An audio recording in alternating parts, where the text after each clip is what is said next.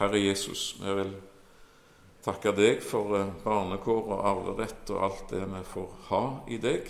En fullbrakt frelse og en fullkommen frelse og en levende frelser. Herre Jesus, vi, vi takker deg. Og så ber vi om at vi må få leve og vandre med deg, sånn som eh, det står om tider som er gått foran, og mennesker som vandrer med Gud. Herre, hjelp oss å vandre i ditt selskap og i de ferdiglagte gjerninger. Vil du velsigne ditt folk på denne plass, at de får leve godt med deg og godt med hverandre. Nytt bedehus, velsign, Herre, det arbeidet som drives, og legg til rette. og Det ber vi om. Å komme ditt rike, Jesus, på de mange, mange fronter. Herre, la ditt ord går fram. Oppreis nye vitner om deg Eh, send vekkelse, Herre. Vi trenger det. Fornyelse. Herre, møt oss. Vi ber. Amen. Ja, Hebreabrevet kapittel 11. Og vi er kommet fram. Det er klart at det her må en uh, rekke ikke gjennom alt. Aldeles ikke. Men vi skal stoppe ved vers 17, og igjen så møter vi egentlig Abraham og Isak i denne sammenhengen, og uh, Sara i kulissene, vel, her. Ikke nevnt. Men ved tro uh, Hebreabrevet 11, vers 17 og til og med vers 21, eh, tenker jeg. Ved tro bar Abraham fram Isak som offer da han ble satt på prøve. Ja, han som hadde fått løftene, bar fram sin enbårne sønn, enda det var blitt sagt til ham, i Isak skal det nevnes deg en ett. Han tenkte at Gud også er mektig til å reise opp fra de døde. Han fikk ham også tilbake derfra, som et forbilde. Ved tro var det også Isak velsignet Jakob og Esau med syn på, den, på det som skulle komme. Ved tro velsignet den døende Jakob hver av Josefs sønner og han tilba bøyd over knappen på sin stav.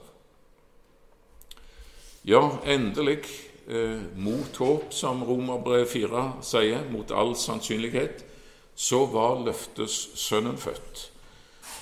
Pappa 99 år og mamma 90 år. Eh, vesle Isak, vesle Latter, som han heter, eh, er født Eh, og løftet om frelse og velsignelse og, og Frelseren, det er viderebrakt. Han skal komme. Det skal skje. Og mor Sara hun ler av pur glede. Men så er det som det står i Skriften, at alt har sin tid. En tid er det å gråte, og en tid å le. Og for uh, Sara kanskje aller mest, men for uh, far Abraham òg, så skulle det bli ei fortvilelsens tid. Eh, nå tenkte jeg på det i dag, at jeg tror, at, eh, jeg tror ikke Abraham sa alt til Sara.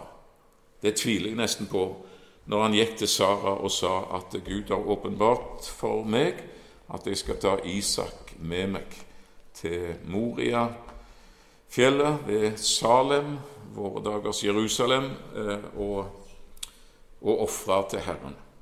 Jeg tror ikke, jeg tror ikke Abraham fortalte hele historien, hva Gud virkelig hadde sagt. For Det står i 1. Mosebok 22, og vers, fra vers 1, og vi leser til vers 3 Vi skal stoppe her mer etter hvert. Men en tid etter dette skjedde det at Gud satte Abraham på prøve. Han sa til ham, 'Abraham', og han svarte, 'Ja, her er jeg'. Da sa han, altså Herren, ta nå din sønn, din eneste, han som du har så kjær, Isak. Dra til Morialandet og ofre ham der som brennoffer på et av fjellene som jeg skal si deg. Altså ofre ham som et brennoffer. Så sto Abraham tidlig opp om morgenen og lesset på eselet og tok med seg to av tjenesteguttene og Isak sin sønn. Han kløvde ved til brennofferet og ga seg så på vei til det stedet Gud hadde sagt ham. eh, forferdelig. Her var løftesønnen kommet, og så får Abraham denne ordre om å ofre sin sønn, den eneste, den enbårne, som vi leser i, eh, i Hebreabrevet kapittel 11. Og det tror jeg ikke, for det, han sa det ikke til Isak hva som sto på tapetet. Han sa bare at 'Herren har vist meg, vi skal av gårde'. Og jeg tror, kan aldeles ikke tro det, at han sa det til Sara. Eh, hele historien. Da hadde han neppe fått, eh, fått lov til å dra. Eh, og Moria, hvorfor det? Hvorfor akkurat der? Flere dagsreiser dit, det kan ikke være nødvendig. Der vi møtte, møtte denne prestekongen Melkisedek. Hvorfor skal du dra helt tilbake igjen? Jo, Herren har sagt det til meg. Ja vel, ok. Og så drar de, og så kan du se for deg denne reisen og denne opprørende historien, må vi si, fra Bibelen, som, eh, som mange har sagt at den, den, må ikke leses. Den må ikke gjengis i det hele tatt. Den skulle helst vært redigert ut, er det eh, sterke krefter som har sagt fra Bibelen i det hele tatt. Historikeren Thomas Cahill, berømt historiker, Eh, om han har en slags kristen bekjennelse, det vet jeg ikke, men han skriver ei bok om jødenes historie og hvordan dette folket for, forandra hele verden, faktisk, eh, eh, ved sin innflytelse. Og som fagmann og som historiker så sier han det at han tror personlig at det måtte så kraftig lut til for å, for å si, og virkelig å understreke at menneskeoffer er ikke tillatt. For på denne tid og blant folkeslagene så var det aldeles utbredt, ifølge Cahill, med menneskeoffer og med barneoffer. Og han skriver det som historiker at eh, han er villig til å se med vennlighet på denne beretningen fordi at eh, Herren, eller Israels Gud og deres historie kanskje måtte være så klar at Abraham skulle stå der med kniven heva over sin sønn, og så bli stopp. Altså, det skal ikke være noe menneskeoffer, og at det var med å snudde historien. Et av de mange eksempler i Skriften, da ifølge denne historiker. Vel, det er uansett en, en ja, en opprørende tekst. En far som bærer sin enbårne sønn fram som offer, og som når han gjør det, eller under reisen, tenker at Gud har knytta sin velsignelse og løfte og alt dette er til denne min sønn. Og det må bety at hvis han dør, hvis han skal ofre, så må han stå opp igjen. Det tenker Abraham, står det i Hebreabrevet 11. Og denne historien er et et, eh, en, et forbilde, står der. Vi tenker jo på en annen far som ofra sin enbårne sønn, som han hadde så kjær, som ikke ble spart. Og vi vet jo at det var her det skjedde. Så det er en underlig eh, og sterk profetisk historie. Det ser ikke Thomas Cahill som fagmann og historiker, men det ser eh, gudsfolk at her peker det framover på han som, som Isak bærer eh, Som skal komme av hans slekt, ikke sant? og som er den store velsignelsen og velsigneren, som det står om. Vel, eh, jeg syns jo alltid det at det er interessant om jeg leser Jeg har nevnt det før, så det er gjerne ikke vits i, men det jeg syns det er fint når du leser i Matteus evangeliet, ikke sant? ettertavle for Jesus Messias, begynner Matteus kapittel 1. Davids sønn, Abrahams sønn. To av de som står profetert om, som skal danne slektstavle for Jesus. 42 generasjoner her som så ender det med Jesus som ble født. Men de fire første generasjoner Abraham fikk sønnen Isak. Isak fikk Jakob. Jakob fikk Juda og hans brødre. Så er jo det ganske underlig da at det utpekes på forhånd, ikke sant? At i deg sier Herren til, til Abraham, som han ennå heter da. I deg og i din ett, sies det senere, skal hele all verden, hele jorda, velsignes. Du skal bære en velsignelse. Og så står det i 1. Mosebok 21 at i Isak skal det nevnes deg en ett. Du har to sønner, men det er én som regnes som den enbårne i den forstand at det er han som bærer velsignelsen og løftet videre. Og det er ikke Isak, det er ikke Ismael, men det er Isak. Og så får Isak eh, to sønner, men eh, eldstemann, den joviale og eh, friluftsmennesket Esau, han selger velsignelsen og førstefødselsretten og frelsen, om du skal si det sånn, og alt for en tallerken med suppe, eh, simpelthen, med grøt. Og så går det videre til Jakob, og så profeteres det at eh, eh i eh, denne merkelige Biliam som står der og sier at eh, 'jeg ser han, men ikke nå'. 'Jeg skuer han, men ikke nær'. Det er et, ei stjerne som stiger opp av Jakob, et spir som løfter seg. En hersker går ut fra Jakob. Ikke sant? Så har du arven altså videre der, da. Velsignelsen. Eh, og fram imot Han som skal komme. Klart djevelen hadde vært veldig interessert i å kutte den bare ett ledd, så hadde det ikke kommet noen frelser. Så hadde djevelen stått der som den store triumfator. Og hva tenker du, Abraham?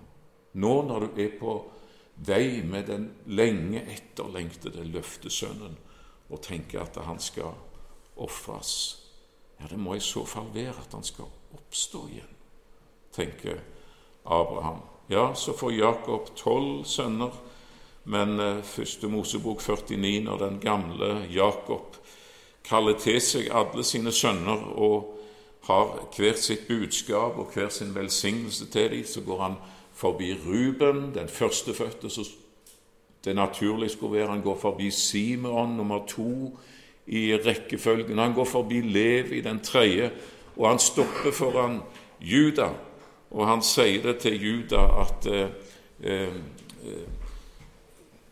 at eh, dine brødre, sier han, profeterer han, Juda, dine brødre skal prise deg, og kongespir skal ikke vike fra Juda, ikke herskerstav fra hans føtter, inntil fredsfyrsten kommer, og folkene, ikke bare Israel.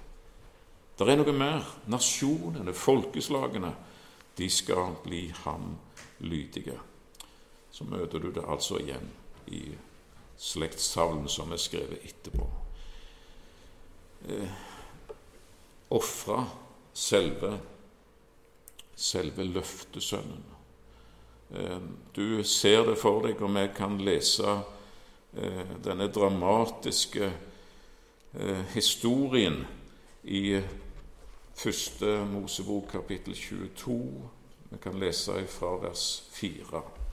Og det er noen Eh, det er mye å si, Bibelen er en underlig eh, bok, eh, og, og framfor alt så er den jo det ved profetiene. ikke sant? Som, akkurat som om Bibelen sjøl inviterer oss til å teste ut sin troverdighet, fordi at den er profetienes bok. og den, Du kan spørre hvorfor, hvorfor Moria? Hvorfor er det ett fjell som Gud peker ut på denne måten? Du skal til Moria. Og Så kan du spørre hvorfor eh, Hvorfor eh, oppgir Herren navnet på en små et, et, si, en liten husklynge som er stor nok til å få et egennavn, og peker på det på forhånd? Hvorfor skriver han ei slektstavle eh, som ikke er komplett, men likevel så er det mange navn i, i eh, slektstavla til Jesus der, som er utpekt på forhånd? Jesaja, Eh, f.eks., som taler om de, ja, først om Isak, Isai, som skal være stamfar til han, så det står om i kapittel 53 og 9 og de mange andre plasser. Også David. Ja, David som er den store modellen på den kommende frelser i Det gamle testamentet. Han som kalles Davids sønn, eller David, ofte i de gamle profetier. Og så peker Herren på forhånd på Ja, alt dette peker på mennesket, f.eks. Hvor, hvor mange fjell er det på denne jord, egentlig? Hvorfor peker Herren på ett? Moria. Hvor mange husklynger er det som er av så store at de har fått et navn som et uh, eget sted? Hvorfor peker Herren i Mika kapittel 5.1 på Betlehem? Hvorfor gir han så klart uttrykk for at eh, ja, i Jesaja 9, der det står om, eh, om, Messias og barnet som er oss født, og sønnen som er oss gitt, herredømme er på hans skulder. Hvem er han? Under, rådgiver, veldig Gud, evig far, fredsfyrste. Og så står det der at eh, han skal ære hedningenes Galilea. Det er der han skal ha, ha sin adresse og sitt eh, hovedkvarter for sin tjeneste. Ved hans nærvær det er der han skal, eh, ja, han skal reise rundt omkring i alt, men det er der, i hedningenes Galilea, det foraktede stedet der han skal ha en jordisk adresse, denne som fødes, jomfrusønnen. Og hvor skal han dø? Jerusalem. Ikke bare Jerusalem, men på et bestemt sted, eh, antydes det i disse merkelige profetier. Vel, det er en far og en sønn, og det er eh, forbildet når de drar av gårde. Og hvor gammel er Isak? Sju år anslår noen gamle rabbinske tradisjoner. Tolv år, sier andre. Josefus, den store jødiske, romerske historieskriver, som ble født i år 37, og som har kildene til fortida for seg. Han mener å kunne si det at da var faktisk eh, Isak en unge mann på 25 år. Det er forskjellige teorier, men du ser en far og du ser en sønn på vandring. Og du leser eh, hvordan de, står, eller de drar av gårde, og så står det i vers 4, 1. Mosebok 2010, 22. På den tredje dagen, da Abraham så opp fikk han øye på stedet langt borte. Da sa Abraham til tjenesteguttene.: Bli dere her med eselet, mens jeg og gutten går dit opp for å tilbe. Og så kommer vi, kommer vi tilbake til dere. Å, det må ha stormet. Tanke og alt. Så tok Abraham veden til brennofferet og la den på Isak, sin sønn. Selv tok han ilden og kniven i hånden, og så gikk de sammen, de to. Da tok Isak til orde og sa til sin far Abraham, 'Du far?' Og han sa, 'Ja, gutten min.'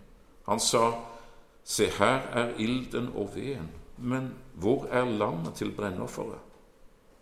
Abraham svarte, 'Gud vil selv se seg ut lammet til brennofferet, min sønn.' Så gikk de videre sammen, de to. De kom da til stedet Gud hadde sagt ham. Der bygde Abraham alteret og la veden til rette. Så bandt han Isak, sin sønn, og la ham på alteret oppå veden. Og Abraham rakte ut hånden og tok kniven for å ofre sin sønn. Da ropte Herrens engel til ham fra himmelen og sa, Abraham, Abraham. Og han svarte, Ja, her er jeg. Da sa han, Legg ikke hånd på gutten, gjør ham ikke noe for nå vet jeg at du frykter Gud, siden du ikke har spart din sønn, din eneste for meg. Abraham så det opp, og se, bak ham var det en vær som hang fast etter hornene i et kjerr. Abraham gikk da bort og tok væren. Han ofret den som brennoffer istedenfor sin sønn. Og Abraham kalte dette stedet Herren ser.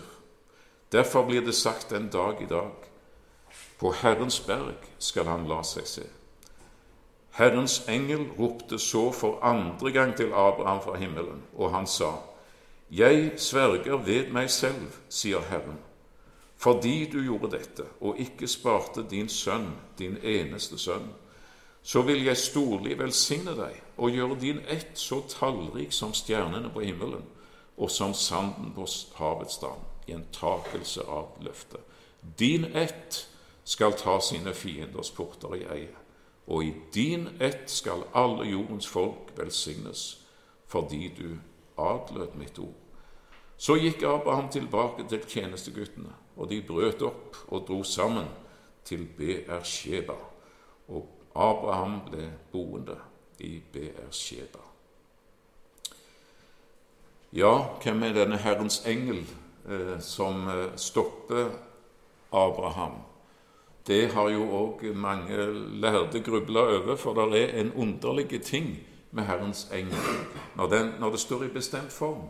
Når det ikke står om englene eller en engel, men det står om Herrens engel.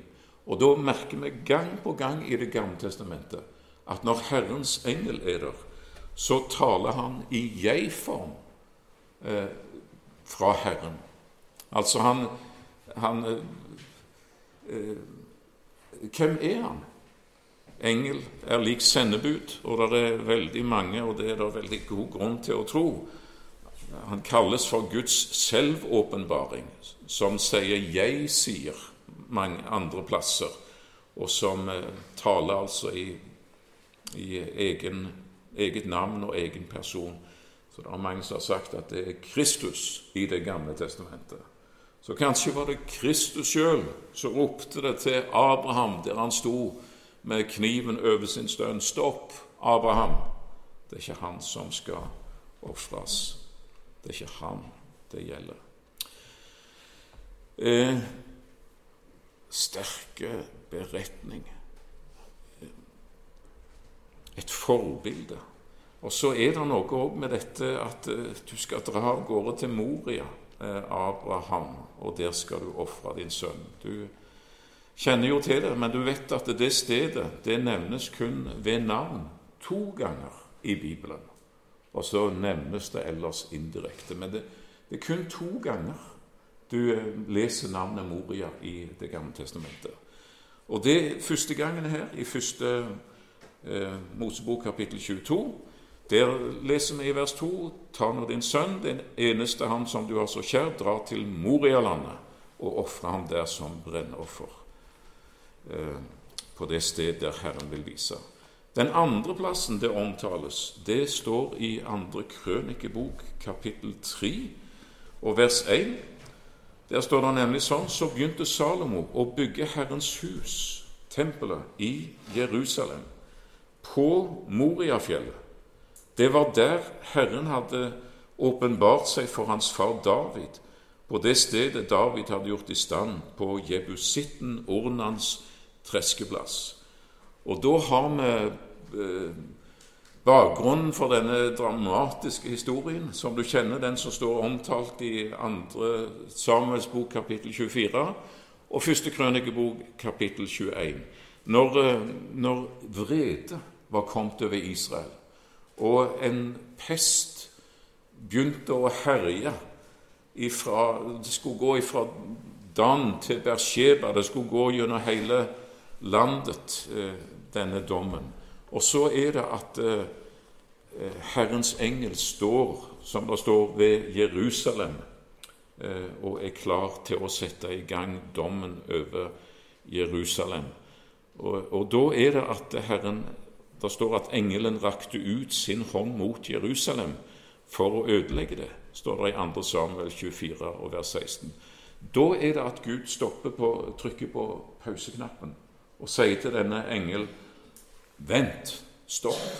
Og så blir eh, Herrens eng, denne utsendte engel ifra Herren eh, kommandert til å stoppe, og det gjør han. Og han står der over byen Jerusalem med et løftet sverd. Og det står i første krønikebok, kapittel 21, David løftet blikket, vers 16. Og da fikk han se Herrens engel som sto mellom jorden og himmelen med et løftet sverd i hånden, og det var rakt ut mot Jerusalem. Da falt David og de eldste ned på sitt ansikt, kledd i sekk. Et fryktelig syn dommen over folket. Men det venter, og der står Herrens engel. Og han står akkurat over fjellet der, over Moriatoppen, over treskeplassen der Aravna, eller Ornan, som han vekselvis kalles i Skriften, har sin treskeplass, og det ligger øde der. Eh, og Og han er synlig. Aravna løfter også blikket og ser denne engel som står der. Herrens engel står der eh, med dette sverdet mot himmelen. Helt stille. Og hans fire sønner de blir vettskremt, og de springer og gjemmer seg, eh, fortelles det. Og David, hva med han? Han er, han er skremt. Men han får en beskjed eh, via en mann at, fra Herren Skynd deg, gå opp, reis et alter for Herren på jebusitten Ornans treskeplass. Det står at han gikk opp. Eh, jeg tror eh, han gikk relativt hastig når han hadde fått eh, summa seg denne David. Og der oppe står Ornan og venter på han. Og David skynder seg og sier at jeg vil la meg få kjøpe dette stedet, så jeg kan få reise et alter. Trenger ikke kjøpe det. Du kan få det gratis. Jeg har alt det du trenger. Jeg har, jeg har okser, og jeg har eh, ting til å brenne. Du kan ta vogna om du så vil, og sette fyr på den og gjøre det til et, et offersted. Og så svarer David nei. Men kong David svarte nei, jeg vil kjøpe det for full pris. Og han betaler, og han eh, ordner opp og bygger et alter for Herren. Første krønike 21, vers 16. Og David bygde et alter for Herren der og ofret brennoffer, altså soneofferet til soning for synd, og fredsoffer. Og han ropte til Herren, og han svarte ham med ild fra himmelen på brennofferalteret. Og Herren befalte engelen å stikke sverdet i sliren. Akkurat som på det samme sted der Abraham hadde stått med kniven over Isak, og Herren roper 'stopp'. På samme måten skjer det nå igjen over Moria-fjellet, der engelen står med et løfta sverd, og så roper Herren 'stopp'. Stikk sverdet i slira, vreden er over. Og det presiseres i i 2. Eh, Samuel 24 det er når offeret bringes fram, at da stanset eh, dommen, vredesdommen. Så ved håper å si, Hva er det som stopper Herrens vrede? Det er det sonofferet. Det er ikke noen annen plass du kan møte en nådig Gud enn gjennom Jesus og det offer han har fullbrakt. Og når det ikke står eh, nevnt ved navn, så vet vi det jo veldig godt at det, det er det Herren har utpekt som offerstedet i den gamle pakts tid. Altså ved, ved disse, disse, to beretninger som vi her leser. Og David torde ikke å gå dit, står det en gang i vers 30 i første krønike, kapittel 21. Så skremt var han av sverdet til Herrens engel og i kapittel 22, vers 1, David sa, her skal Herrens Guds hus stå, og her skal alteret for Israels brennoffer være. Her skal tempelet reises. Her skal brennofferalteret stå til soning for folkets synder.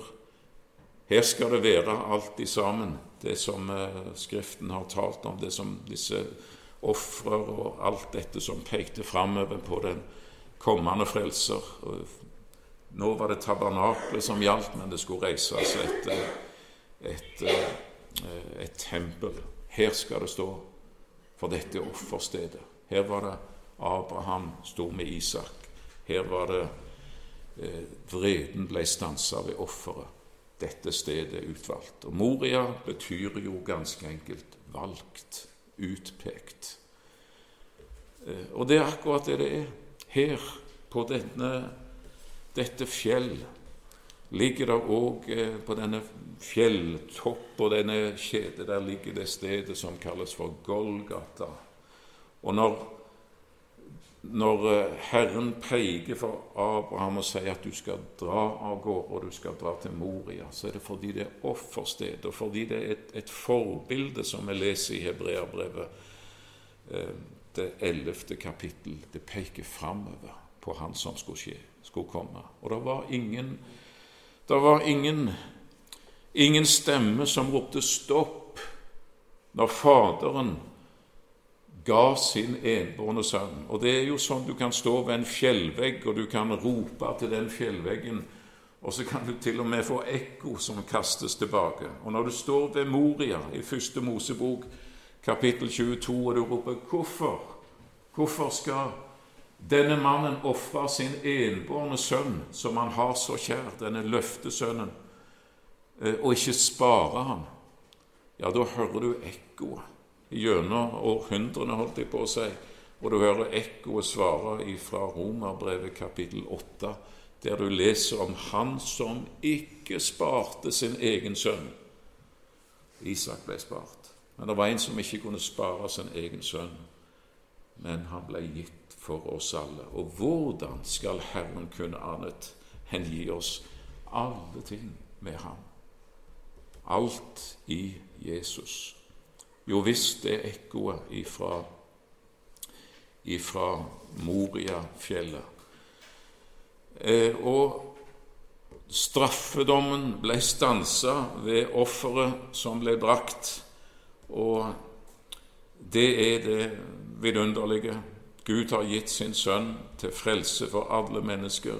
Dine synder var der denne dagen på Golgata-høyden, på Moriaberget, det sted Herren hadde utpekt seg, og straffedommen ble stansa.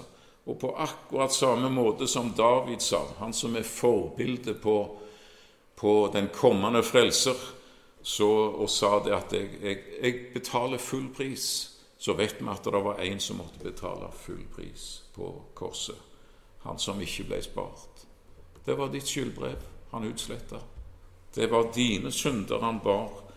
Helt personlig så var det der alltid sammen.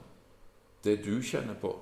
Og en hel verden eh, bar han eh, Se der Guds lam som bærer bort verdens synd. Det offerstedet som Herren har utpekt.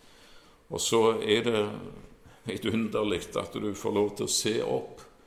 Og det er ikke noe, det er ikke noe sverd, truende sverd som henger over et Guds barn. Dere er ikke under loven, men under nåden, står det i Romerbrevet 6, vers 14. Så Herren sier, stikk, stikk sverdet i slira, og så forsvinner denne domsengel. Og så er, er vreden stanset. Yes, det er, det er stort så er det da ingen fordømmelse for dem som er i Kristus Jesus. Og ifølge de lærde så er det ett ord som er betont og vektlagt på grunnteksten i Romerbrevet kapittel 8 og vers 1.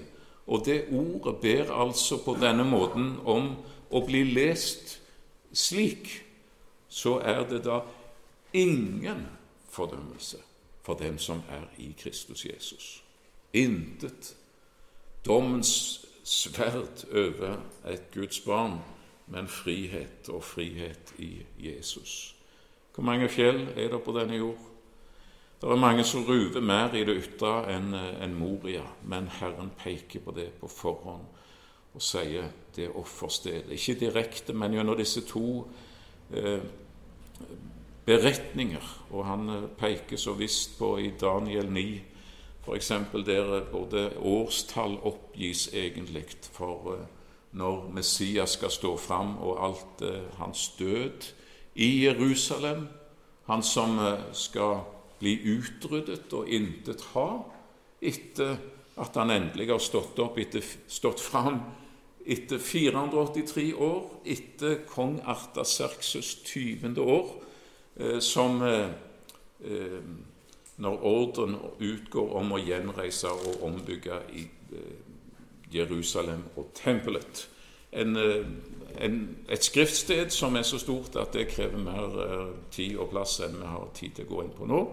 Men det har rett og slett med Jeremia sin profeti i kapittel 29 og 30 å gjøre. Der, der står der han skriver om bortføringen til Babel som skal vare i 70 år, og så sitter Daniel og leser i Jeremias sine skrifter, og så blir han sjokk 1 70 år. Det er jo snart over. Sjokk 2 i neste kapittel, der denne profetien fortsetter, den er ikke ferdig ennå, og der han sier at David skal føre sitt folk hjem til Israel. Gisp, skal Messias virkelig stå fram? Skal jeg få oppleve én, at jeg får reise hjem, og to, at Messias åpenbarer seg? Og så kommer engelen med forklaring og sier at ok, det når det gjelder at dere skal få reise hjem, så er det 70 vanlige år. Men når det gjelder det andre, herr Daniel, som du leste om, Messias, den salvede, eh, i eh, Jeremia 30 vers 9, så er det ikke 70 år, men det er 70 ganger syv år. Og det ga mening for Israel, for de regna i syvårsperioder. Det syvende året, det var ikke sant, det var sabbatsåret. Så telte de syv ganger syv år. 49 år, da kom jubelåret eller nådeåret. Så de, de hadde det Det ga mening for dem. Men når han står fram, Messias, den salvede, så vil det gå 483 år, 69 syvårsperioder, ifra et gitt tidspunkt, ifra det øyeblikket ordren utgår om å gjenreise og, og, og ombygge eh, byen og tempelet som ligger i ruiner. Ok, tid er det? Eh, det skjer i kong Artaserkses 20. år, Nehemja kapittel 2 og vers 1. Du kan konferere med Store norske leksikon, Britannica eller hva du vil av oppslagsverk, for det er tid som er veldig godt historisk belagt. Og du vil finne at det 20. år, det var år 445 før Kristus. Da begynner klokka å tikke, og så skal Messias stå fram etter 69 års perioder. Og da er det så uendelig mye som har skjedd for han har fullbrakt en frelse og oppfylt profetier. Og Daniel 9 eh, 70 syvere er tilmålt ditt folk og din hellige by til å innelukke frafallet, til å forsegle synder, til å dekke over misgjerning, til å bære fram en evig rettferdighet, til å besegle syn og profet, til å salve et aller helligste. Det er den hellige. Det er Messias som kommer for å ta oppgjør eller utrette alt dette. Og fra den tid et ord går ut om å gjenreise og bygge Jerusalem, inntil en salvet Messias på grunnteksten, en første står fram, skal det gå syv uker og 62 uker, 69 syvårsperioder. Det tempelet skal igjen settes i stand. Og byen skal bygges opp med gater og vollgraver under tidenes trengsel. Etter de 62 ukene pluss de syv skal den salvede utryddes og intet ha. Han skal dø. Byen og helligdommen skal bli ødelagt av folket til den første som kommer. Skjer år 70, når eh, tempelet blir eh, totalødelagt, og et fryktelig blodbad, eh, en fryktelig å lese om Josefus beskriver dette, eh, og dette enorme drama og lidelser og det som fulgte med. Eh, han var øyenvitne til det sjøl i denne tid og beskriver det. Det skjedde som de gamle profetier hadde sagt. Hvor skal Messias dø? Jerusalem, står der. Altså i vers 25 og i vers 26. Det er sagt på forhånd og sånn er det jo med de mange ting i Skriften. Salme 22, Jesaja 53, offerordninger, alt det der står om blodet, alt dette, det, det peker framover. Herren tar seg ut på forhånd, og han forteller hva som skal skje. Og han plukker ut en mann i Uri Kaldea, f.eks., og sier at i deg, Abraham, skal alle jordens slekter velsignes. Forklar meg det, om du kan. At dette er tilfeldig. At det her er, er det ingen hensikt, det er bare slumpa til å bli sånn. Forklar meg det, og det merker jeg jo at når en leser en del av de som går til frontalangrep på kristentroen og dens troverdighet, så smyger de unna alt dette som har med Kristusprofetien å gjøre. For det står der, og det har stått der før det ble oppfylt, og det forkynner på så mange vis Skriftens inspirasjon og guddommelighet. Så ikke kunne Satan hindre eh, denne slektslinja, denne Messias-linja som går ifra første Mosebok kapittel 3 og vers 15 allerede på syndefallets dag, når det forkynnes og profeteres om Han som skal komme og knuse slangens hode. Kvinnens ett, kalles han. Og så har du Sara. Og Det er underlig når det står i, i Det nye testamentet skal bli eh, frelst gjennom sin barnefødsel. Eh, Herren har løfta i sannhet eh, jeg håper å si, morskallet eh, veldig høyt når du tenker på eh, det fine som står om dette. Og det er en frelser som kommer av kvinnen, som det står om allerede i, i den første profetien, der egentlig mannen er satt helt på sidelinja. Frelseren. Så kommer han, så står det Eh, hans eh, signatur på disse mange profetier. Du og jeg I dag så fikk jeg ikke eh, jeg håper å si, jeg fikk ikke skrevet en avslutning på preika. Jeg tenkte det får være være akkurat sånn som det er. Men tenk at du og jeg skal få lov til å glede oss over dette. Ved tro bar Abraham fram Isak som offer da han ble satt på prøve. Ja, han som hadde fått løftene, bar fram sin enbårne sønn enda det var blitt sagt til ham i Isak skal nevnes det en ett. Han tenkte at Gud også er mektig til å reise opp fra de døde. Han fikk ham tilbake derfra som et forbilde. Så har Jesus kommet, så er frelsen fullbrakt, så er det betalt full pris på dette sted for alle syndere til alle tider, deg inkludert. Og så er en på vei imot det samme mål som de vi leser om her i Hebreabrevet kapittel 12, som seira ved tro, og som nå er hjemme hos Herren. Herre, vi ber om at vi kunne få leve ved tro, og at vi kunne få vandre med deg i vår tid. Eh, at vi kunne få fylle det eksempel, Herre, som ditt folk gjennom alle tider har gjort. Hjelp oss, Jesus, at vi står løpet, og at vi tror i den tid der vi er plassert, Herre. Vi ber om det. Se til oss og se til våre Jesus, at vi kunne få løfte ditt navn høyt. Vi ber i ditt navn. Amen.